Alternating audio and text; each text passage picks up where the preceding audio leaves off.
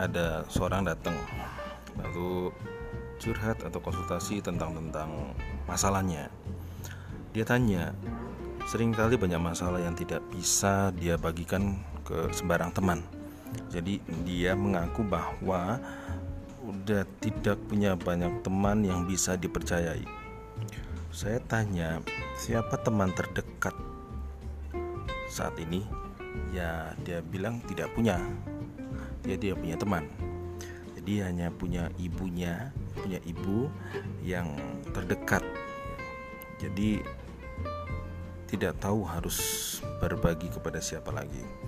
Saya respon, "Nah, kalau begitu ibu itu adalah temanmu, ibumu sendiri adalah temanmu."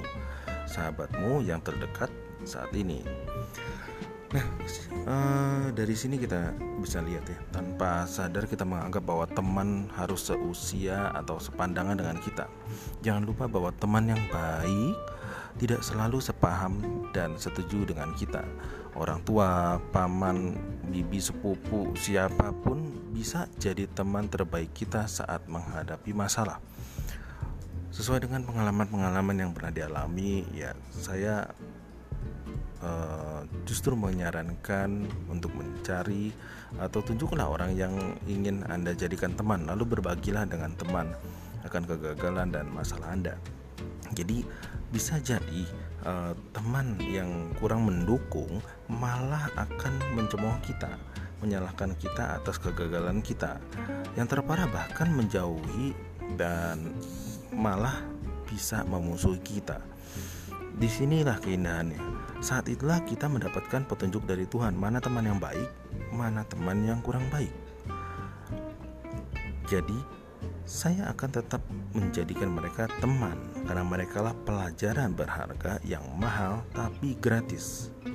Gratis untuk belajar rasa sakit dan pengkhianatan di mana saya belum pernah menemukan ada tempat kursusnya pemikiran saya seperti itu ya teman memang boleh teman tetapi pada akhirnya akan terfilter atau terseleksi juga.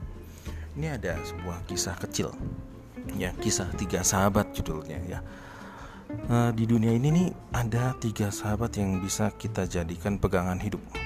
Tapi hanya satu sahabat yang setia menemani kita sampai setelah hidup kita ini berakhir yang pertama, sahabat pertama adalah kenalan, tetangga, teman, relasi. Nah, ini mereka mengenal kita dan kita pun mengenal mereka. Pada saat-saat tertentu, mereka akan datang membantu kita dan mungkin menemani kita saat kita gagal atau butuh pertolongan saat jatuh sakit ya. Nah, yang kedua, sahabat kedua adalah orang tua, sanak saudara, sahabat karib kita ya. Mereka yang bisa menghidup uh, mengisi hidup kita dan sering kali kita jadikan pegangan hidup dan mungkin mereka pula yang akan mendoakan dan mengantar kita saat ajal menjemput. Hanya sebatas itulah sahabat pertama dan kedua menemani hidup kita. Jadi mereka tidak bisa ikut lebih jauh.